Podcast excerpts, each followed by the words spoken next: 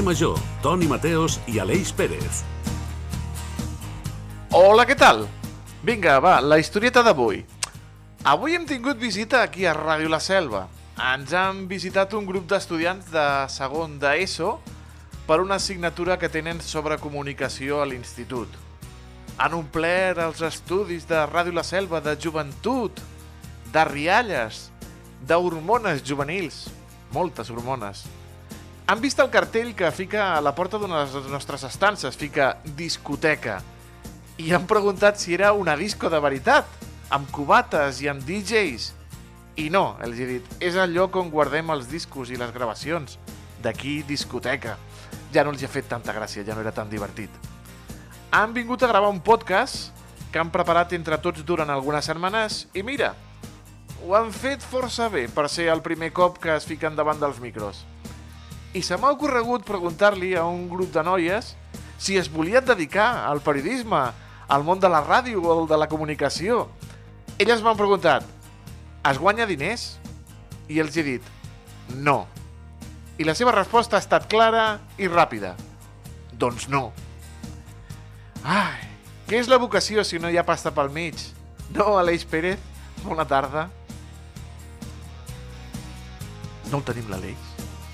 No tenim l'Aleix? Hola, sí, Toni Ah, Mateus, sí, ara, ah, bona sí, tarda. hola, Jo ah, desitjant ah. ja la bona tarda i arrencant ja i, no, i ni em senties bé. Jo crec que aquestes noies han fet una cosa que jo en el seu moment no vaig fer, no? que és preguntar si es guanya diners. Si es guanya pasta.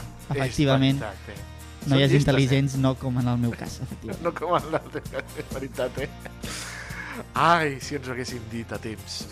Som vuit emissores del Camp de Tarragona que cada tarda, amb la nostra vocació, els informem i els entretenim.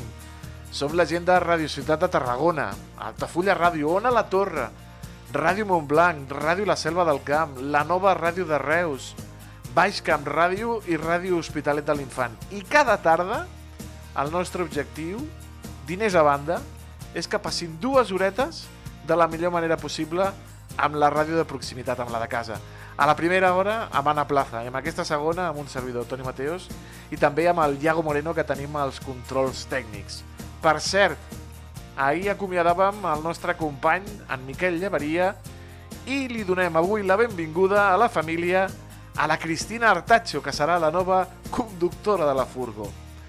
Que si guanyem diners. Benvinguts a Carrer Major.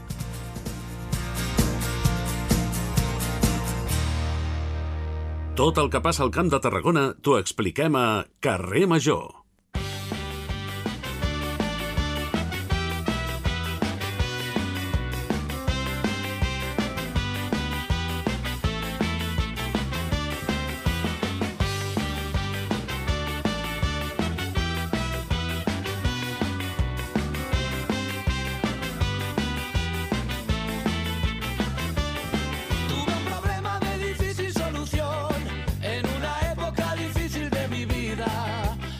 Doncs vinga, una edició més i ja en van 22, arriba la Ganxet Pinxo, aquesta trobada gastronòmica on els restauradors reusencs s'inventen uns pinxos que desafien als seus consumidors amb sabors diferents, productes de la terra i, sobretot, que fan gaudir als clients i, a més a més, fan ciutat.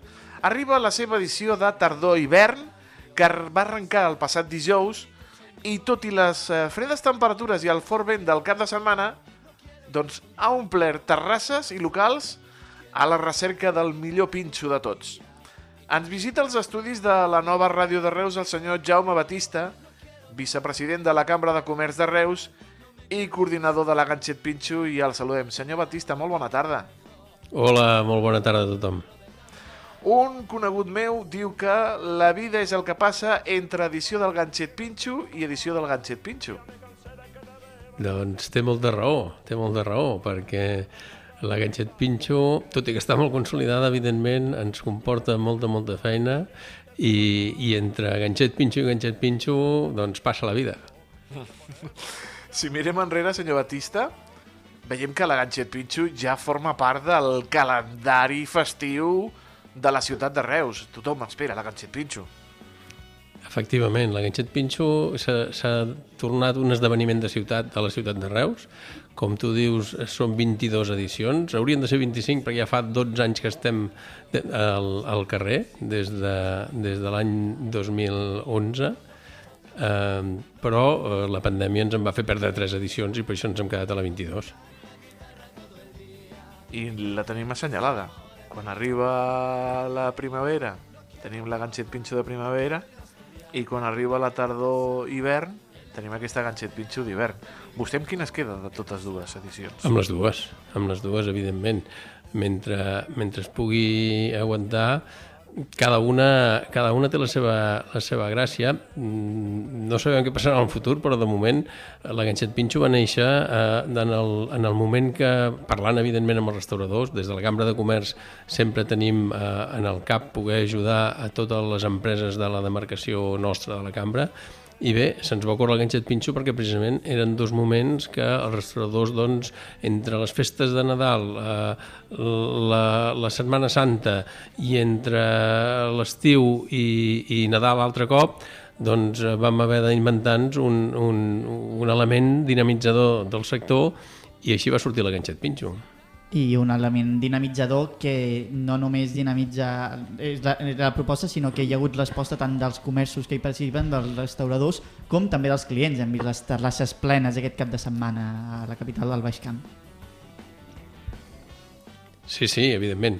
Uh, el temps uh, ja sabem que no és obstacle, la ganxet pinxo s'ha fet amb vent, Reus és la capital del vent, uh, s'ha fet amb pluja, s'ha fet amb fred, s'ha fet amb calor i, i tothom espera l'edició de la ganxet pinxo per gaudir de les tapes de Reus. Cada vegada són més els locals que s'apunten a participar en aquest event gastronòmic. Eh, senyor Batista, què creu que els impulsa a participar en la Ganxet Pinxo amb un restaurador? La ganxet pinxo és un element eh, d'alguna manera dinamitzador i promocional d'un local.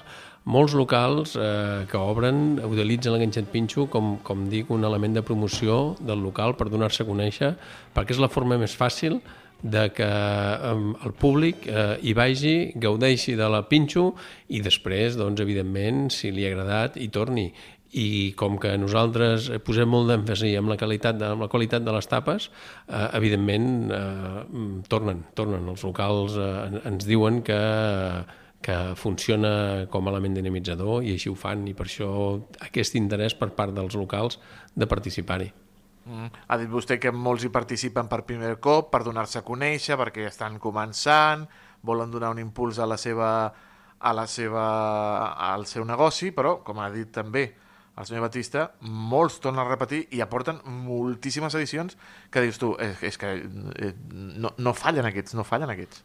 N'hi ha alguns que no fallen, és més, n'hi ha alguns que l'altre dia m'ho comentava un, una anècdota de que diu, són 22 edi- edicions, però jo he estat, eh, he aportat 23 tapes, perquè bueno, ha obert un altre restaurant, un altre local, i ara, evidentment, aquest any participa amb, amb els dos locals que té i, i evidentment, doncs clar, ha pogut fer mm, una etapa més que el nombre d'edicions que s'han fet de la Ganxet Pinxo. Ha comentat, senyor Batista, que vigila molt la qualitat, que els pinxos han de ser elaborats i treballats. Com ho fan, això?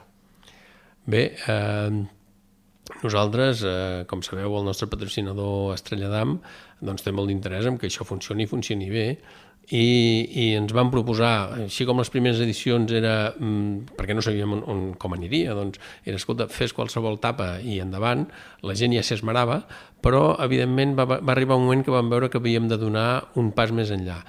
I, i amb Estrella d'Am vam buscar la, la figura, de, en aquest cas actualment de l'Eva Hausmann, una crítica gastronòmica i cuinera que fa unes xerrades als interessats, als que vulguin participar, de, no, no els ensenya, evidentment, a fer, a fer pinxos, sinó que els, ense, els hi comenta com optimitzar els productes per fer un bon pinxo i un pinxo de qualitat, i després és la que valida les tapes, una vegada presentades pels establiments, i abans de cada edició, aprofitant la sessió fotogràfica, que després l'utilitzem a la- a l'aplicació, la, en aquest cas la gastronosfera, per poder mm, publicar la fotografia de les tapes, ella és la que fa eh, dona els últims retocs a la, a la tapa. O sigui, els hi diu si està bé o què és el que ella faria o com la milloraria.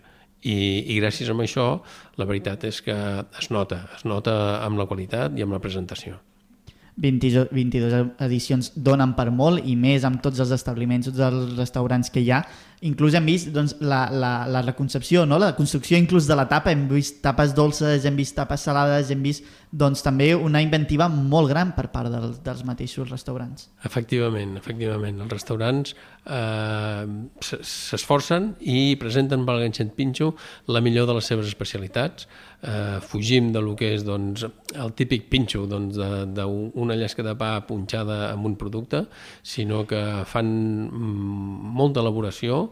Eh, nosaltres sí que demanem és que promocionin productes a quilòmetre zero, productes locals, i, i evidentment ho treballen i, i hi ha locals doncs, que fan tapes, la majoria tapes salades, però també n'hi ha alguns que fan tapes dolces perquè al final del pinxo doncs, hasta puguem anar a prendre un postre si cal. No sé si casa molt una postra de xocolata amb una estrella. Bé, mm, que es provi. No, no, tapes dolces sempre, sempre, també, també, també és una molt bona idea, la tapa dolça i la, i la tapa. Eh, mm, la ganxet pinxo eh, s'ha convertit també, eh, senyor Batista, en el mirall de molts municipis que també han incorporat la seva pròpia ruta gastronòmica d'altres pobles i ciutats han, entre cometes, copiat la ganxet pinxo, no? Efectivament, eh, la Ganxet Pinxo, com dic, va, va néixer a la tardor del 2011 eh, com a element promocional, pro- promocional de, de lo que és l'hostaleria i, lògicament, doncs, hi ha hagut eh, altres eh, poblacions doncs, que s'han afegit a la idea, eh, han copiat el, el model i, i també fan la ruta de tapes. I jo trobo que és bo, vull dir, al final, eh, quan més serem, més riurem. La gent s'ha de promocionar, les, els establiments s'han de donar a conèixer i contentíssims de que ens hagin copiat i, i si cal doncs, ajudar-los amb, amb qualsevol tipus de consell, doncs eh, aquí estem per ajudar-los i per donar-los. És un dels objectius, la d'implementar a Reus eh, una, la cultura del pinxo, la de sortir a fer pinxos com en altres llocs de, de l'Estat? Home, estaria molt bé, el que passa que això va una mica amb la cultura de la gent i aquí mm, tot i que no costa, perquè en el moment que nosaltres fem la ganxet pinxo, eh, com, com dèieu vosaltres, eh, aquest cap de setmana, tot i el fort vent que ha fet a la ciutat, les terrasses estaven plenes i, i els establiments estan plens, o sigui, vol dir que, que és una, un element que, que funciona i que la gent l'accepta com a tal.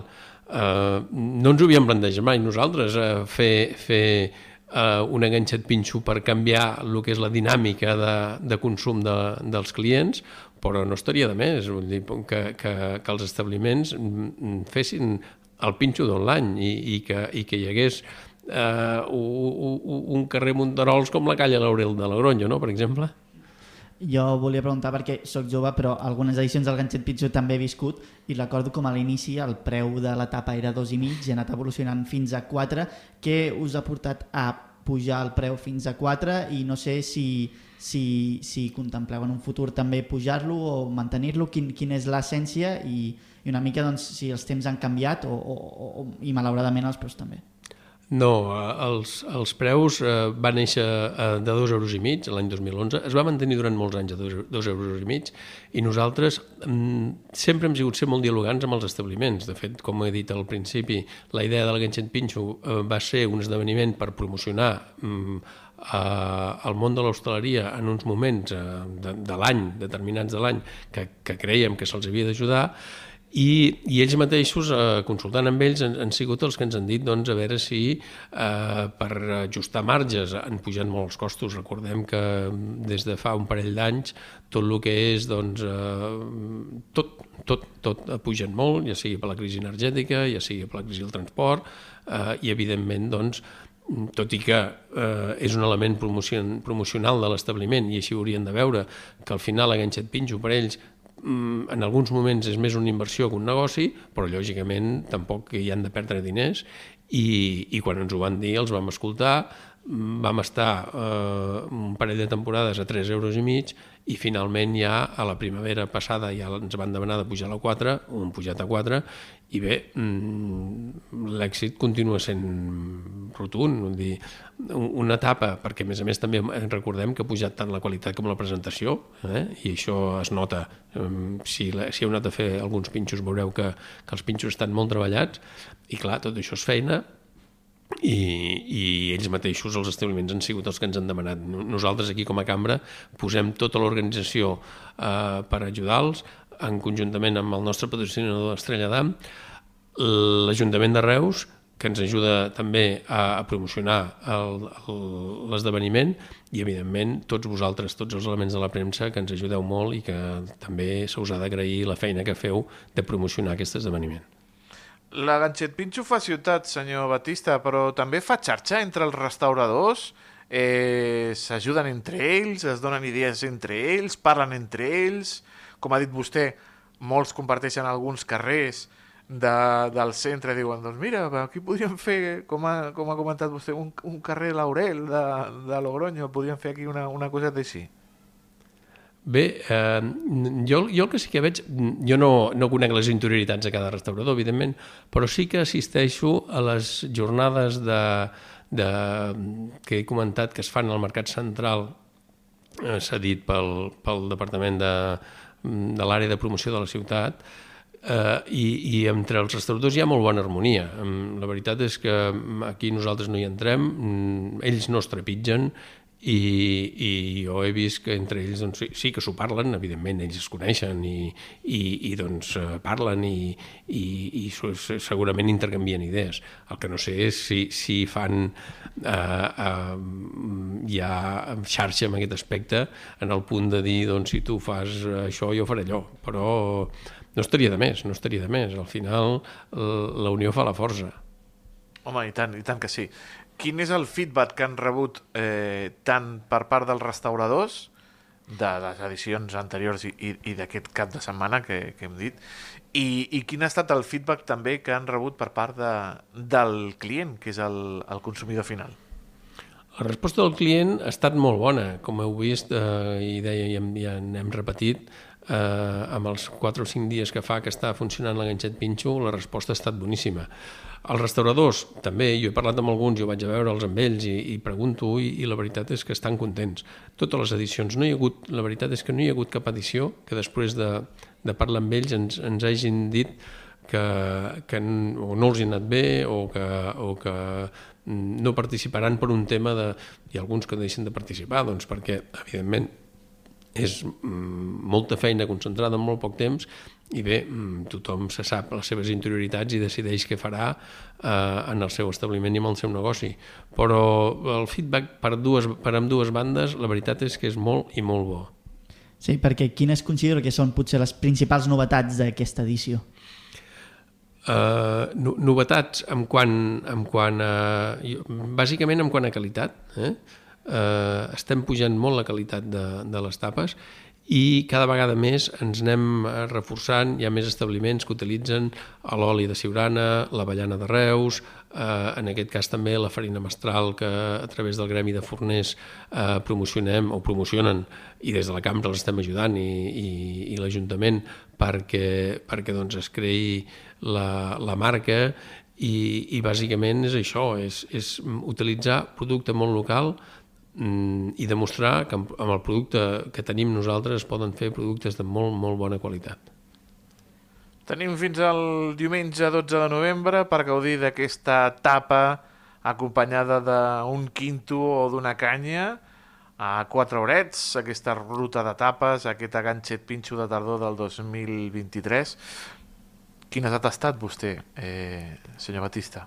Doncs n'he tastat vàries. La veritat és que, mm, bé, eh, jo no diré quines són les més bones, jo puc, perquè clar, jo mm, puc dir quines es són les que mullen, més mai es m'agraden a mi. mai es mullen vostès. No ens podem mullar perquè el que hem de fer és que donar l'opció a tot el públic que vagi, que les provi, que decideixi, que voti i que d'aquest vot després al final els restauradors, els restauradors rebran un premi. Dir, recordeu que la Ganxet Pinxo des de la cambra el que volem és, no és una competició, però sí que el que volem és premiar els que el públic ha trobat eh, millors en quant a qualitat. Eh? Perquè per mi totes són molt bones, totes. Doncs mira, eh, la recomanació del senyor Batista, que eh, ens deixem la butxaca en aquestes ruta del Ganxet Pinxo. Senyor Jaume Batista, vicepresident de la Cambra de Comerç de Reus i coordinador de la Ganxet Pinxo, moltíssimes gràcies per acompanyar-nos aquesta tarda aquí al, al carrer Major i ens veiem per les terrasses i pels bars eh, aquests dies. Moltes gràcies a vosaltres eh, per la feina que feu, per l'ajuda que ens doneu i, evidentment, ens veurem. Que vagi molt bé. Gràcies.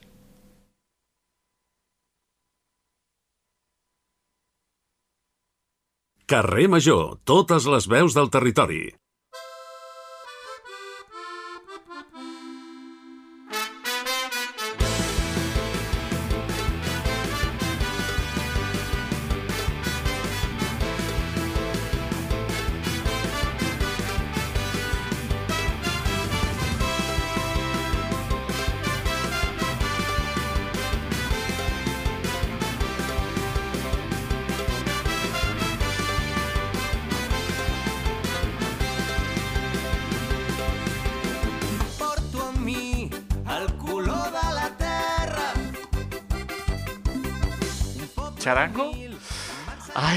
Meu senyor, quines músiques que m'escull l'Aleix Pérez eh, per parlar d'ODS.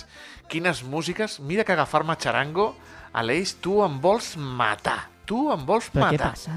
Però què passa amb Charango? No t'agrada? Eh, no et diré la meva opinió de Charango, perquè tancarien definitivament carrer Major. Seria un rècord, eh? Té, té mèrit No, també no, no, carrer no, major a partir no d'un la comentari de Iago, no la posis, Iago, que Charango... En fi, vinga, va, anem amb els ODS, anem amb els nostres objectius de desenvolupament sostenible. Vinga, va, que avui els ODS a més també fan una mica un Fernando Alonso, no? Fan un avançament a última hora i ens avancem als col·laboradors a parlar d'aquestes iniciatives que enriqueixen el territori. En aquesta ocasió parlarem de la Brustada, a Bràfim, on estan de celebració. Ho podem encabir dintre de l'OS número 15, que parla de la vida dels ecosistemes terrestres, i també el número 17, que ens agrada molt, aquest que promou les aliances entre actius del territori. Per parlar d'aquesta data assenyalada de l'11 de novembre tenim a Clara Martín, presidenta de la cooperativa La Brustada. Hola, molt bona tarda. Hola, bona tarda. Bé, primer de tot, què és La Brustada? Amb quins objectius sorgeix?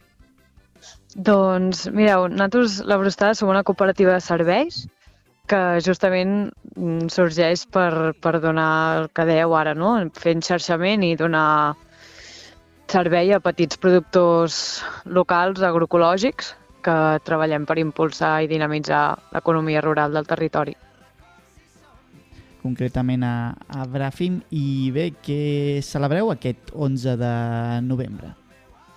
Doncs sí, com bé deies, estem a Bràfim i aquest 11 de novembre doncs, inaugurem per una banda tot el que és l'obrador agroalimentari on tothom que tingui producte o que sigui productor pot venir a elaborar, no l'11, eh? que estarem de festa, però que pot venir a elaborar doncs, els seus, transformar els seus productes.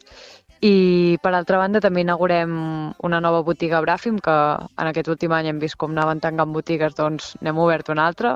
Mm, Som, som optimistes en aquest sentit, creiem que hem de dinamitzar el poble a través doncs, de, de donar-los serveis i també inaugurem el coworking rural. Per tant, Llavors també... una mica el... Sí, Perdó. sí, sí. No, això, una mica doncs, celebrar que hem acabat les obres, que, que obrim tots aquests serveis al públic, no? compartir-ho amb els nostres convilatants i, i també amb la resta del Camp de Tarragona. Vull dir que esteu tots convidats a venir el dia 11. Farem dinar Doncs, popular, sí. vermut, tallers, canalla, aquestes coses que Sí. es fan. I ja ens hi detindrem en aquesta jornada, en aquest 11 de novembre, però abans volia preguntar això, quin paper juga la cooperativa dins de, de Bràfim? Ja ho has anat doncs, estilant una mica en les respostes. Sí, o sigui, bàsicament la cooperativa és, és fruit de... O sigui, emana de tres productors locals. Per una banda hi ha Socarrel, que es dedica a l'horticultura ecològica, després hi ha Fruits del Gaià, que és una explotació familiar que també treballa en ecològic tant l'ametlla com l'oliva de taula i, i l'oli extra verge. I finalment hi ha menys amiques que, que fem cremes de garrofa. Llavors vam, vam veure això, no? com que tots tres teníem la necessitat de tenir un obrador a Bràfim i vam dir, ostres, juntem-se. Vull dir, és molt més, molt més útil ajuntar esforços i, i fer pinya junts. Per tant, eh, òbviament hi ha un punt de, de millora, no? però també hi ha un punt d'aquest de, de fer xarxa, no? d'unir diferents iniciatives i projectes que hi ha al territori. Sí, correcte, i de fet també la idea de tenir un coworking és en aquest sentit, no? de dir, ostres, no només que de la, de la brostada en formin part productors o elaboradors agroecològics, sinó que mm, gent que teletreballi pugui venir no? I, i que siguem un punt de trobada no? del final de, de tothom que treballi Bràfim i, i puguem doncs, revitalitzar el poble. Perquè això està obert a, a qualsevol iniciativa, a qualsevol entitat que es vulgui sumar en aquest coworking. Sí, sí, sí, sí correcte. Sí, sí. Doncs bé, parlem una mica ja del dia assenyalat, no? d'aquest 11 de novembre. Quines activitats heu preparat per aquesta jornada? Veig que comenceu amb una cosa que m'ha cridat molt l'atenció, que és un taller de, de xarops d'hivern. No sé si Sí. és millor que faci fred per poder fer aquest taller encara de manera més efectiva. Jo crec que està bé, eh? Vull dir, ara la fresca que tenim ara ja, ja compleix. Uh, de fet, el tenim ple, um, o gairebé ple, estem a punt d'exaurir places, i una mica ens feia també com il·lusió convidar altre, bueno, dir, altres professionals que no siguem únicament els socis impulsors de, del projecte a venir a formar part doncs, doncs d'aquest dia, no? De fet, el taller s'emmarca dins un altre cicle de tallers que hem, que hem fet, que portem fent des de l'agost, en què hem anat com treballant mm, diferents oficis que nosaltres mm, n'hem dit dels vells oficis, jugant així amb la B baixa i amb la B alta, no? de, dels vells antics i dels vells bonics, uh, com són doncs, aprendre a fer espardenyes, fer marges de pedra seca, ara fem aquests xarops tradicionals no? per, per tenir cura doncs, dels encostipats, les grips, tot això que ens ve. Um, I tancarem el cicle amb un taller a cistelleria el 9 de desembre, que aquest sí que encara queden places. Llavors, comencem el dia amb aquest taller tan bonic, que el fa l'Anaïs del Jardí de les Bruixes. Seguim amb un vermut musical i la presentació formal de la brostada, de la cooperativa i de l'espai. Tot seguit fem dinar popular, uh, tot fet amb productes, òbviament, doncs, agroecològics, volia del territori... Sí, sí. De productes ag agroecològics. Què, què, què és això per la gent? Que potser a vegades, moltes vegades aquestes paraules van entrant dintre de l'imagini col·lectiu, però hi ha vegades que hi ha gent que ens escolta i poc potser no poc, acaba no? d'entendre ben bé què és un producte agroecològic. Doncs mira, m'agrada molt que m'ho preguntis perquè ara no és com està molt en boga, no? L'etiqueta ecològic és com algú el que tu deies, no? Com que ja ha entrat dins de l'imaginari col·lectiu, però l'agroecològic doncs encara no. Uh, L'ecològic té en compte tota la part doncs més com de, de la natura, no? Com dit així ras i curt. I l'agroecològic té en compte aquesta banda, però també té en compte el com s'ha fet, no? tota la part més social. És a dir, si s'ha pagat un preu just al productor, en quines condicions treballa aquell productor, um, no? doncs assegurar que la persona que ho faci tingui un, una feina digna. Llavors, a nosaltres en, ens agrada molt emmarcar-nos en aquest sentit perquè creiem que justament doncs, l'agroindústria s'està aprofitant del, de l'etiqueta ecològic i, i al mercat avui en dia es poden trobar molts productes ecològics però que probablement no compleixen aquests aspectes doncs, més de dignitat social. Llavors, en aquest sentit, per això ens agrada molt reivindicar l'etiqueta agroecològica. Per tant, I- doncs és important no? fer-hi fer parar una estona no? quan vegis un, la paraula Sí. ecològica en un producte, sigui el que sigui, i veure que potser la- l'agroecològica sí que té en compte doncs, molts més factors i molta gent que, que hi dedica el seu temps. Sí, correcte. Pues sí, prioritzar no? també el, el local versus... Vull dir, que de vegades és com oh, un producte ecològic de Xile. Segur que és molt bo, però quants quilòmetres ha fet aquell producte, no? Quina implicació té pel medi ambient i per les persones aquell producte, vull dir, una mica també com reflexionar sobre això. Llavors sí, agroecològic vol dir que utilitzarem productes del Camp de Tarragona o de al màxim Sí. de proximitat, com són l'arròs del Delta de l'Ebre, les verdures dels socis i, i això. Sí. Llavors serà molt bo. Sí, sí, està molt bé saber-ho i a més també Sí, he vist el preu, que també és un preu popular de, de 10 euros, i si et sembla Mm. també, per acabar de rematar, doncs, tenim unes activitats en, en família. Què hi haurà? Què, de què podran gaudir totes les famílies? que Doncs sí, justament hem volgut posar activitats en família i no activitats infantils perquè volem que les famílies s'hi impliquin, o sigui, que no sigui com per la canalla i ja està, sinó que creiem que en veritat podem gaudir-ne tots i, i cada vegada ja està bé desmelenar-se una mica i, i riure i ballar i cantar. Llavors, tota el, la part com d'activitats de tarda va encarada, també vindran els gegantons de Bràfim, i llavors una mica doncs, va encarada també doncs, per, fer, per fer vila, no? per, fer, per fer poble i una mica aniran com a treballar també en aquesta línia de, de les olors, els gustos, una mica com tot en la línia de la brostada, així com Sí. molt natural, tot plegat. Una gran festa, una gran inauguració que ja ho anaves destilant, però poques, poques places queden ja a les, a les activitats que, que hem anat explicant durant aquesta estona, no? Sí, al dinar encara queden places, però és el que estem dient per xarxes, que sisplau que si hi ha gent que ha de venir, perquè hi ha molta gent que ens ha anat dient ah, jo vindré, jo vindré, que s'hi apuntin, perquè si no, quan fas, quan organitzes esdeveniments d'aquests, no, també és una mica misteri saber per quanta gent estàs, estàs programant el dinar. Llavors, si algú ens està escoltant i vol venir al dinar, si plau que s'apunti al formulari o que ens escrigui dient vull venir al dinar, perquè és això, el taller sí que ja tenim gairebé tot ple, però i les activitats infantils, eh, bueno, infantils, en família, perdó, estan obertes al públic en general, vull dir que això sí que no cal fer, fer reserva. Exacte. Després que no vinguin allà, apareixin a Bràfim sense cap mena d'inscripció ni, ni res i esperin dinar. Que No, facin que, abans. que els acollirem, eh? que nosaltres som molt acollidors, però s'agraeix, s'agraeix. Si ja ho saben d'entrada, que, que ho facin.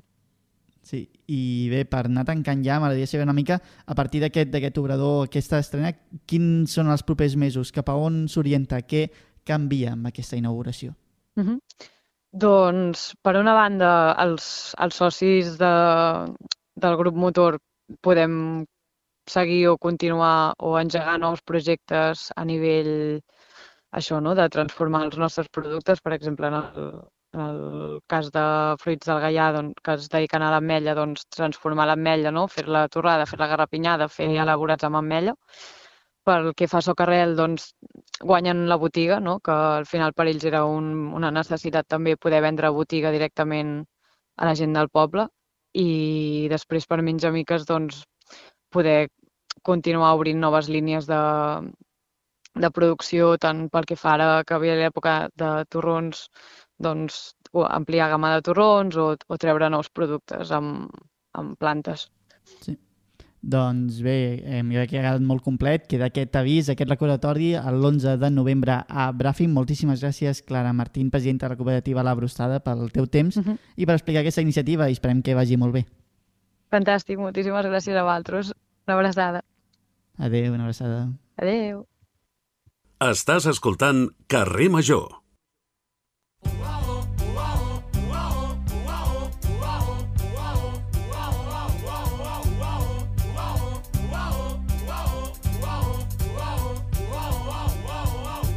Sobren paraules, agulla, fil de cosi, tisores, estufa, me sobren paraules, vermut, patates... A punt d'arribar a dos quarts i mig de sis de la tarda, tothom coneix la Viquipèdia, aquest gran diccionari, aquesta gran enciclopèdia de la xarxa, font de consulta de milers de temes, però com s'omple la Viquipèdia?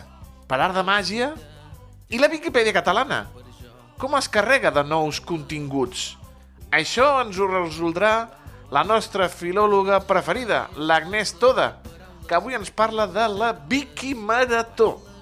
Agnès, bona tarda. Oh, Hola.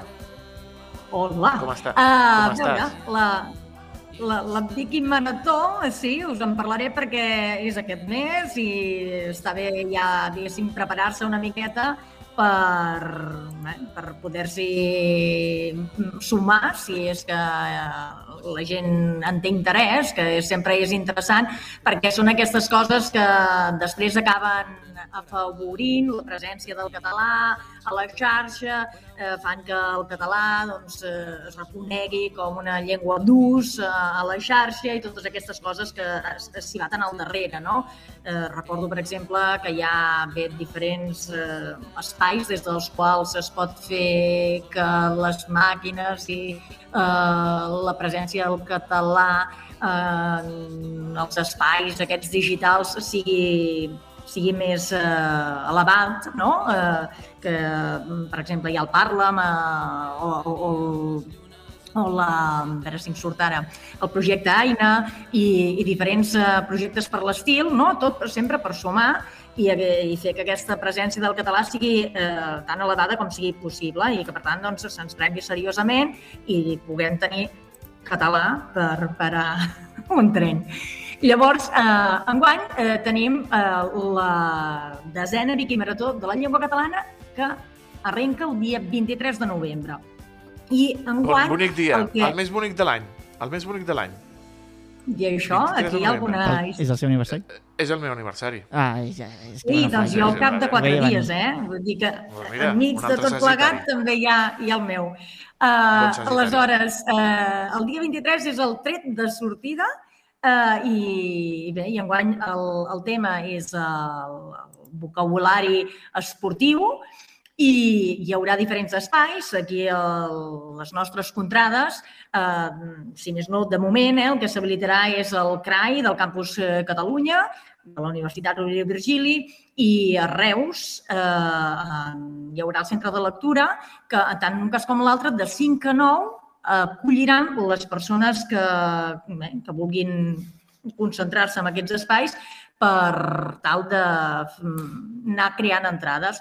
Evidentment, aquí eh, hi ha l'espai, però, però cadascú haurà d'anar amb el seu ordinador, però el que sí que hi ha de positiu de ser, bé, de, de fer que la gent vagi a una biblioteca és que, evidentment, la, a la Viquipèdia eh, no s'hi pot escriure qualsevol cosa. Per exemple, no puc dir, vinga, va, jo eh, sé molt bé com, bé, no sé, com, com va néixer, eh, no sé què, i doncs començo a escriure, sinó que ha d'estar tot contrastat i es necessita, per tant, certa mm, bibliografia, també pot ser bé, eh, webgrafia, però doncs aleshores webgrafia de referència, d'acord, no s'hi val qualsevol cosa. I, i clar, i doncs que es concentri la gent en una biblioteca el que permet és poder consultar tot aquest material eh, fàcilment, perquè bé, les biblioteques també ja, ja tindran cert material que es considera més o menys bàsic, eh? eh en aquest cas, doncs, en relació amb el vocabulari esportiu, i per tant, doncs, es podrà fer, fer servir tot aquest material. Eh, la qüestió, però, és que el 23 és el dia que arrenca, eh? com deia, uh -huh. perquè realment s'allarga tota aquesta Vicky Marató fins al dia 29 de novembre. I l'interessant és que hi ha premis per qui passi, qui introdueixi més, més articles eh, o qui passi més Ah. entrades a la Viquipèdia i, per tant, això sempre és una cosa interessant, no? Més enllà d'estar promovent el català, que més esti, puguis guanyar alguna cosa sempre va bé. Uh -huh. Perquè, Agnès, eh, els viquipedistes són els encarregats d'omplir la Viquipèdia, però com has dit tu, eh, pot anar qualsevol persona a participar en aquesta Viquimarató sempre i quan doncs, eh, tot el que ell ompli i tot això estigui contrastat i tingui doncs, eh, cert pes no? per, per poder demostrar-ho.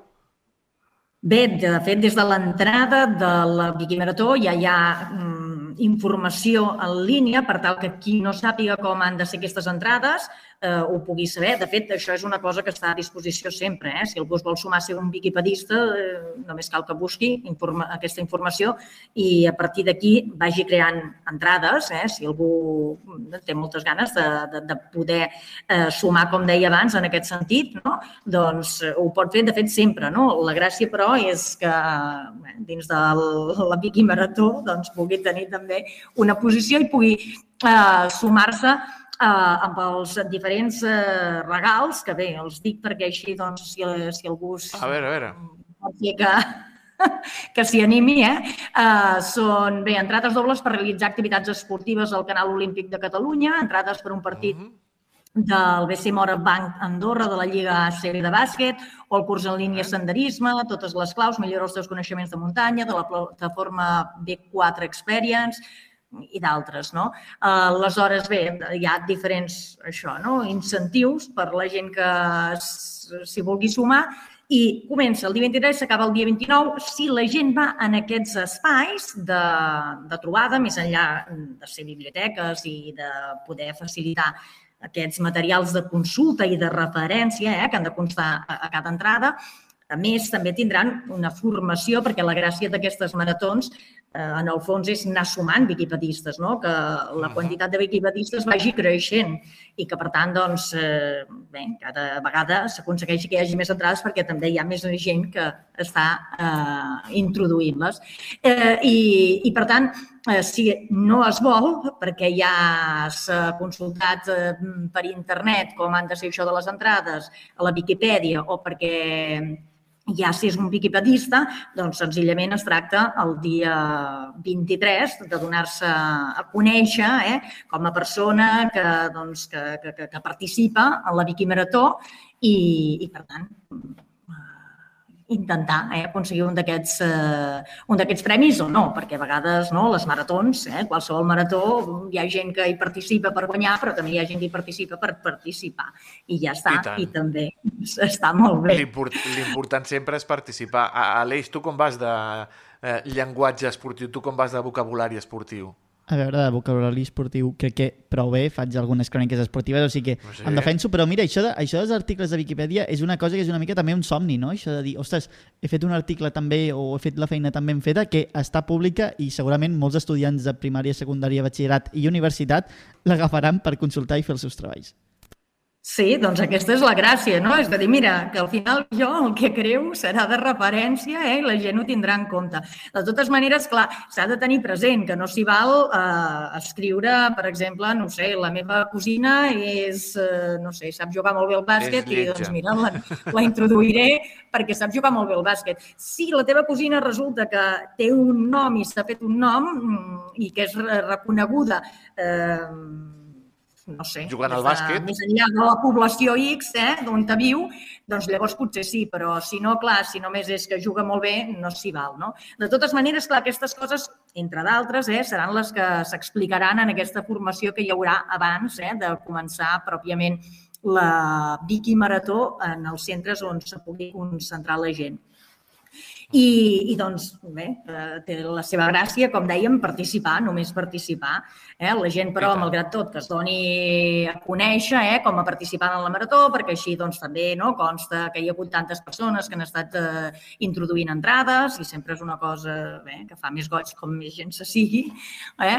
I, però el que és important és tenir en compte que no cal anar a aquests llocs, eh? que des de casa un mateix pot dir, doncs bé, com que ja sé com funciona, com que ja m'he informat per saber com, com han de ser aquestes entrades, m'hi poso des de casa. Mm, Bé, no sé, això sempre són diferents estratègies, no? Hi ha persones que potser li agrada més estar envoltat d'altra gent que estigui fent el mateix perquè se sent més acompanyat o no, o diu, mira, jo treballo més o millor eh, des de casa, que estic més tranquil·let i jo que sé que eh, si ha d'anar al lavabo, tinc el lavabo més a prop, per dir alguna cosa.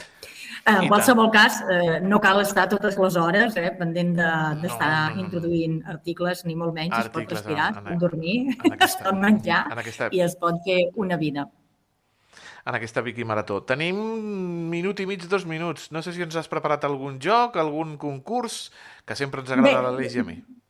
Sí, vaig molt ràpid perquè us faré dues eh, endevinalles o tres, les que tingui temps, però el que voldria dir és que la Viquimarató de la llengua catalana és eh, Sí. una cosa que aglutina tota, tots els eh, territoris de parla de la llengua catalana, que sempre és una cosa també això molt positiva, perquè a vegades sembla que això sigui un tema que resta i, i d'altres vegades, no, com el .cat, suma. Doncs aquest és un cas en què suma i en què hi ha representació de tots els territoris de, de llengua catalana, o en què es parla el català amb qualsevol de les seves variants. I llavors sí, ara us faig eh, dues, eh, Vinga, dues un parell de- preguntes. eh, d'endevinalles. endevinalles. Vinga, va. Vinga, va. Uh, la tenen València i Madrid i també Lleida i Girona, però no la poden tenir ni Palma ni Barcelona. La tenen. València i Madrid? I No també Lleida i Girona, Lleida i però Girona? no la poden tenir ni Palma ni Barcelona. Parlem de llengua. Eh. Vinga, va.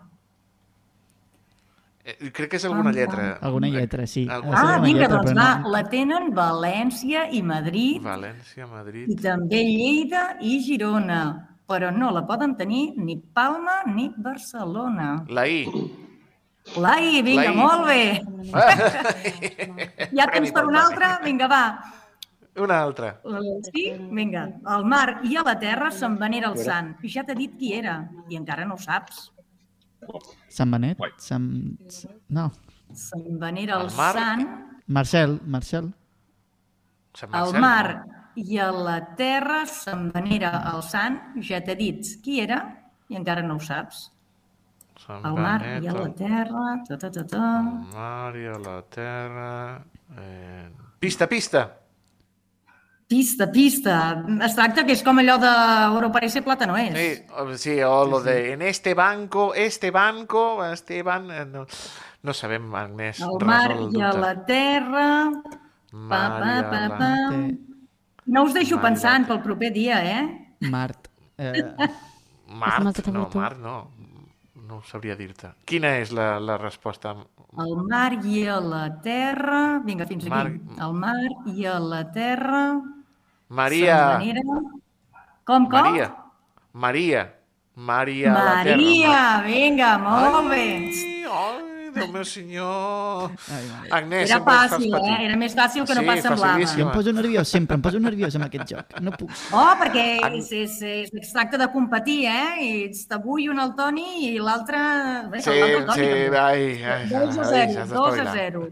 2 a 0. Aleix, has de remuntar. Eh, has, de remuntar. Estudiaré, Això serà la setmana vinent. Uh, D'aquí 15 dies. Vinga, doncs, eh, gràcies, 15 Agnès. Una abraçada. Fet, eh? La remuntada. Adéu.